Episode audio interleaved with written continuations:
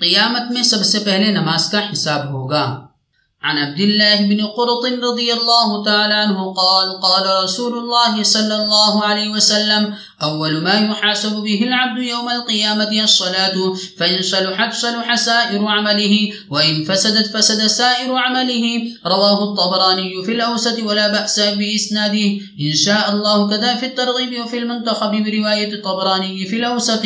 وأيضا عن أنس بلفظه وفي الترغيب عن أبي هريرة رفعه الصلاة. ثلاثة ثلاث الطهور ثلاث والركوع ثلاث والسجود ثلاث.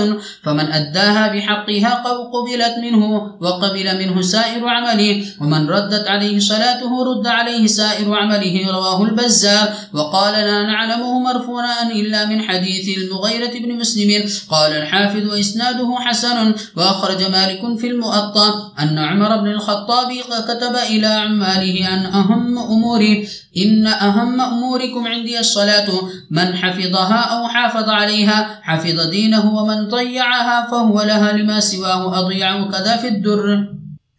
نبی اکرم صلی اللہ علیہ وسلم کا ارشاد ہے کہ قیامت میں سب سے پہلے نماز کا حساب کیا جائے گا۔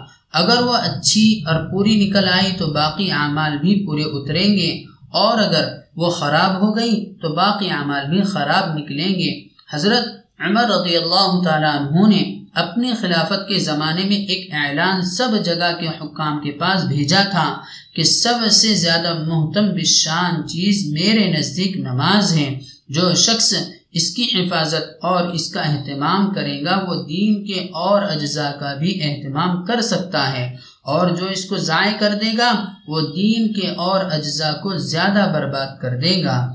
فائدہ نبی اکرم صلی اللہ علیہ وسلم کے اس پاک ارشاد اور حضرت عمر رضی اللہ تعالیٰ عنہ کے اس اعلان کا منشا بظاہر یہ ہے جو دوسری حدیث میں آیا ہے کہ شیطان مسلمان سے اس وقت تک ڈرتا رہتا ہے جب تک وہ نماز کا پابند اور اس کو اچھی طرح ادا کرتا رہتا ہے، کیونکہ خوف کی وجہ سے اس کو زیادہ جرأت نہیں ہوتی۔ لیکن جب وہ نماز کو ضائع کر دیتا ہے تو اس کی جرأت بہت بڑھ جاتی ہے۔ اور اس آدمی کو گمراہ کرنے کی امنگ پیدا ہو جاتی ہے اور پھر بہت سی مہلکات اور بڑے بڑے گناہوں میں اس کو مبتلا کر دیتا ہے۔ اور یہی مطلب ہے، حق سبحانہ و تقدس کے ارشاد ان الصلاة تنہا عن الفحشاء والمنکر کا، جس کا بیان قریب ہی آ رہا ہے۔